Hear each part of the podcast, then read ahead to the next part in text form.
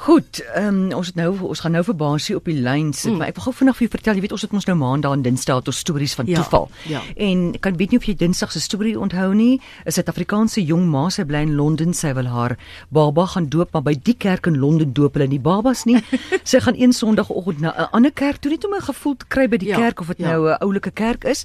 Kerk is gepak, daar's twee enkel plekke in die kerk oor en sy vat toe die enkel plek langs 'n vrou. Oh. En die dominee sê toe asseblief mense gemeente groet die persoon langs jou. Ja. En sy groet die persoon langs haar en sy hoor die vrou te Afrikaanse aksent. En hulle begin toe te gesels en die vrou, sy vra vir die vrou van waar af is die vrou sê van Johannesburg sy sê en van waar af is uh, is jy ja, sy in sy besluit ag sy hulle het al so rondgetrek in 'n lewe. Sy gaan nou maar jy weet daar waar haar ouers vakansie hou al jare daai plek gee, maar sy wonder of die vrou sal weet sal weet waar dit is. Sy sê uh, weet tannie waar is uh, Mosselbaai? Ja, sê die vrou, ons het 'n strandhuis in Reebok. Sy sê tannie, wel my ouers het 'n strand ons het 'n strandhuis in Reebok. Sy vra wat 'n straat? Ons het in dieselfde straat oh. as hulle. Maar dit raak beter hierdie storie. Daai ander vrou is basiese vrou. Nee. Is jy nou ernstig? Ja, basie. Hallo ja.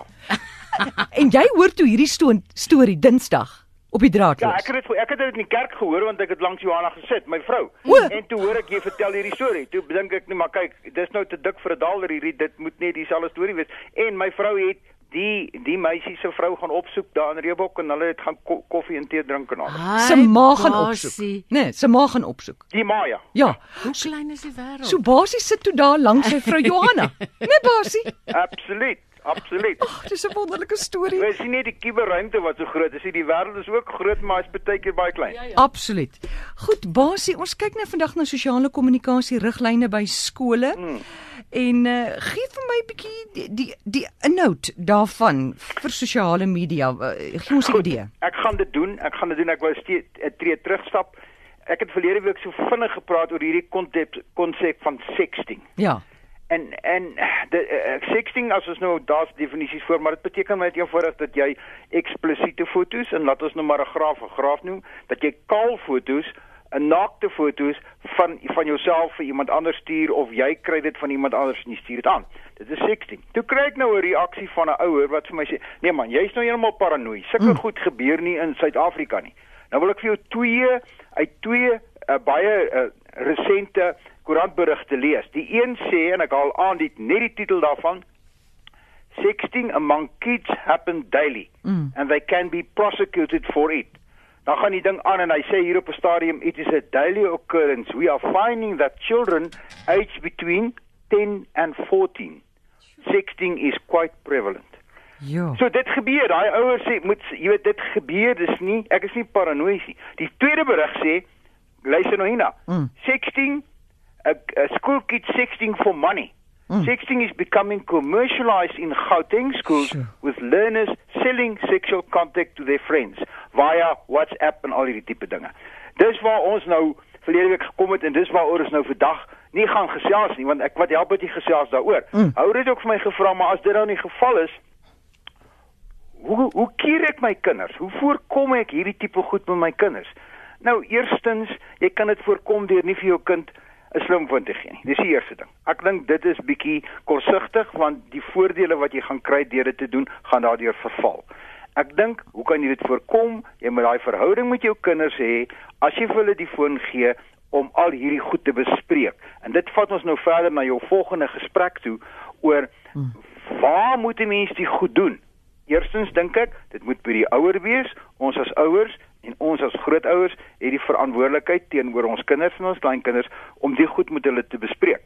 Ons het gister verlede week gesê as jy vir jou as jy as ouer vir jou kind hierdie foon gee, sê vir hom wat is die wat is die riglyne, wat is die bestuurders uh riglyne en reëls vir die kuberruimte.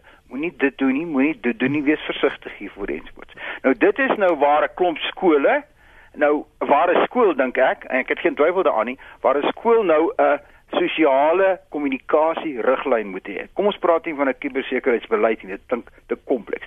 Sosiale riglyn beleid. Waar wat moet in die beleid staan? Nou wil ek teruggaan en ek gaan sê gaan kyk weer eens op die webwerf van ons uh, sentrum vir kubersekuriteit www.cybersecurity.org.za Die webbestuurder Candice Lou wat ongelooflik baie moeite doen hiervoor, het nou weer vir hierdie week 'n spesifieke plasing gaan plas waarin jy 'n klomp goed kry. Jy kry hierdie twee berigte waarna ek nou verwys het. Dit is daar. Daar's ander riglyne oor 'n groot klomp hulpmiddels wat ouers kan gebruik vir voorligting. Daar ek het verlede week verwys na professor Kritzinger se navorsing. Gaan kyk daar. Al die werksboeke wat sy ontwikkel het is daar. Daar's 'n klomp plakate oor virusse, oor kiberboelie, oor friends online, oor Facebook sekerheid. Gaan kry kyk na daai plakate, druk dit vir jouself uit en gebruik dit in jou skool. Daar's 'n onderneming. Dis nou dis nou net in Engels beskikbaar, maar 'n cyber pledge waar 'n klas, 'n onderwyser kan vir die klas sê, hier's 'n klomp van hierdie kubersekuriteitsondernemings kom ons kom, kom ons gaan dit deur as 'n klas en ons teken dit. Ek maak 'n verbintenis. Ek sal nie verkeerde goed sê op die, in die kuberruimte nie. Ek sal nie my maat kuberboelie nie al se goed. Daai dokumente is hier op die webwerf beskikbaar. Daar's ook 'n aantal van van beleide van skole. Ek dink daar's 4 op wat Candice daar opgesit het. Gaan kyk daarna. Wees net versigtig, daar's kopiereg op. Uh, Moenie die ding net eenvoudig so vat en verander met jou skool se naam nie, dan pleeg jy nou weer plagiaat maar gaan kyk wat sê daardie vier skole in hulle beleide. Daar staan byvoorbeeld goed soos ehm um, kiberboelie. Uh om mense sleg te sê, ons het gister verlede week gaan praat van laster. Ehm um, seksistiese taal.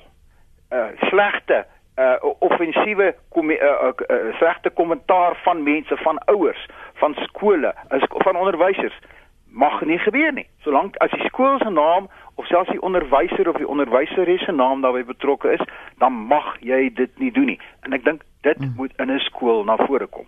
So, gaan kyk daarna en en lees daai materiaal. Daar's da regtig dink ek belangrik en ek dink hierdie gesprek vandag geld nie net vir skole nie. Dit geld vir ouers. Dit geld vir ouers wat moet besef jy moet met jou kind praat. Vra jou kind, het jy al sulke boodskappe gekry?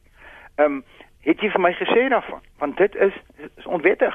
Selfs al ontvang jy so uh, 'n uh, naakte foto van iemand anders en jy stuur dit aan mm. dan oortree jy die wet.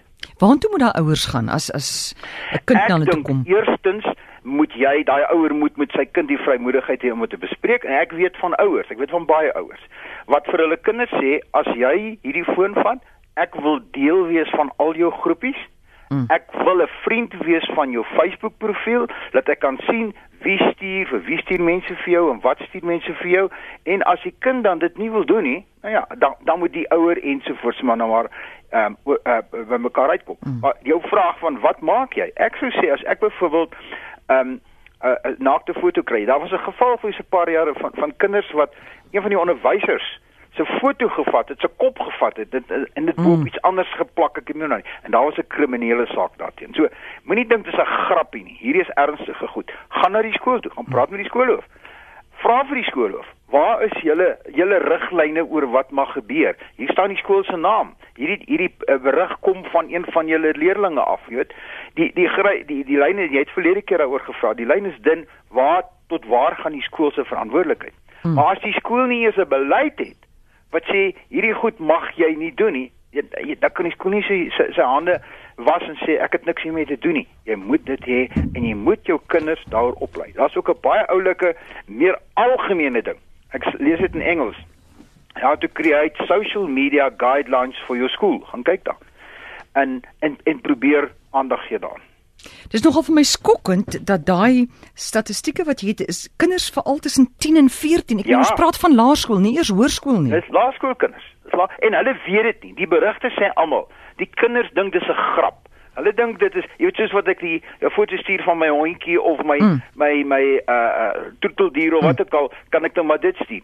Dis dis dis die punt en die belangrike punt ook hier is nie net dat dit onwettig is nie. Dit is die punt dat daai foto mm gaan iewers in die kuberruimte. Hy gaan nooit weer kan wegraak nie. Daar's gevalle van van mense wat later gaan werk het. Hulle het gaan werk, gaan aansoek doen vir werk. Mm. Dat die werkgewer deur hierdie in op hierdie goed afgekom het en daai het nie die werk gekry. Ja. En natuurlik die vraag is wat wat se sielkundige impak ja. het dit op 'n kind? En weer eens, jy weet ek ek skree nie wolf wolf ek het dit al hoeveel keer gesê. Maar gaan kyk mm. aan gevalle oor die wêreld van jong kinders, laerskoolkinders wat selfmoord pleeg omdat dit so ver gaan hierdie kiberboelie, hierdie foto, daar's een dogtertjie van van Kanada Ek weet net haar naam was Amanda geweest. Sy het in 'n in 'n swak oomblik, want sy was so genaamd gegroom geweest.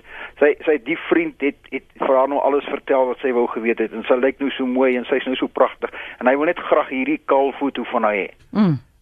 Sy het hom geflash op die op die op op, op die internet ensovoorts. Daai foto het veroorsaak dat sy 'n jaar later selfmoord gepleeg het. Sy kon dit net nie meer vat soos wat haar maat, sy was op 3, 4 skole gewees, sy by die skool aankom, dan sê hulle van o, jy's nie meisie wie se kaalfoto op die op die webpas. Sjoe, so ouers moet asseblief nie naïef wees nie. Ek dink moenie naïef wees nie. Moenie dink dit gebeur nie en moenie dink dit gebeur nie met jou kind nie en as dit nie met jou kind gebeur nie, is jy baie gelukkig, maar wees eerlik, gesels met jou kind want dit mag gebeur dat dat toe iets gebeur is en daai kind loop en ek is nie 'n sielkundige nie. Ek sê dit baie duidelik, maar ek kan my indink en ek kan lees wat is die sosiale gevolge en die sielkundige gevolge hmm. daarvan. Basie, waar kan mense jou in die hande kry? RSG Basie by gmail.com. Kom ons kyk wat gebeur hierdie week. Uh die reaksies wat ek kry, dit gaan bepaal wat ons volgende week gaan doen, maar ek kan ook net sê ek as ek nou van hierdie saak 'n bietjie begin wegstap, ek wil 'n bietjie terugkom na die tegniese kant toe waar ek meer vrae kry, byvoorbeeld wat is Android en wat is Apple se bedryfstelsels vir hulle mobiele fone, wat is die verskil tussen daai die die bedryfstelsels van die fone ensovoorts en en hoe verskil die een van die ander?